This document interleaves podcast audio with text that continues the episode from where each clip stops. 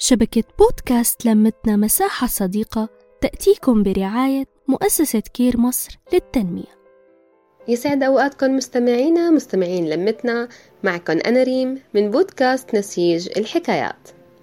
غالبية البيوت أو حتى بغرفتك الشخصية في كرسي بياخد زاوية معينة وممكن نواري عن أنظارنا وهالكرسي له مسميات كتير.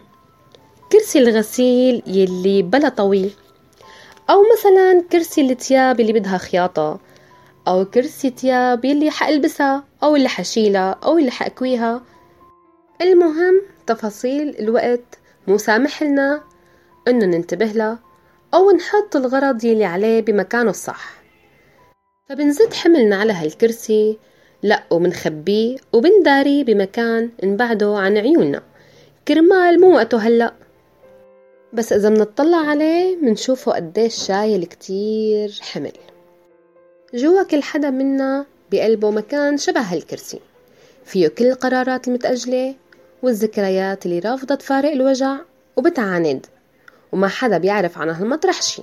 مكان مليان كركبة. كل شي وعكسه. مكان مقفول ومفتاحه ضايع بالحياة. يلي عم نعيشها بالزحمة يلي عم نتخبط فيها بالمسؤوليات يلي عم تتراكم علينا واللي ما عم نعرف نرتبها. مكان لو قدرنا ننتبه له ونهتم فيه حيفرق معنا كتير. حنخلي قلبنا مرتاح. طبطبوا على قلوبكن ولو الزمن مو سامح بهالشي.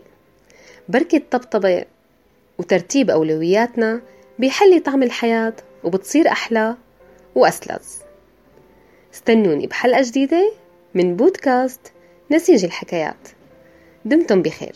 نحكي نتشارك نتواصل.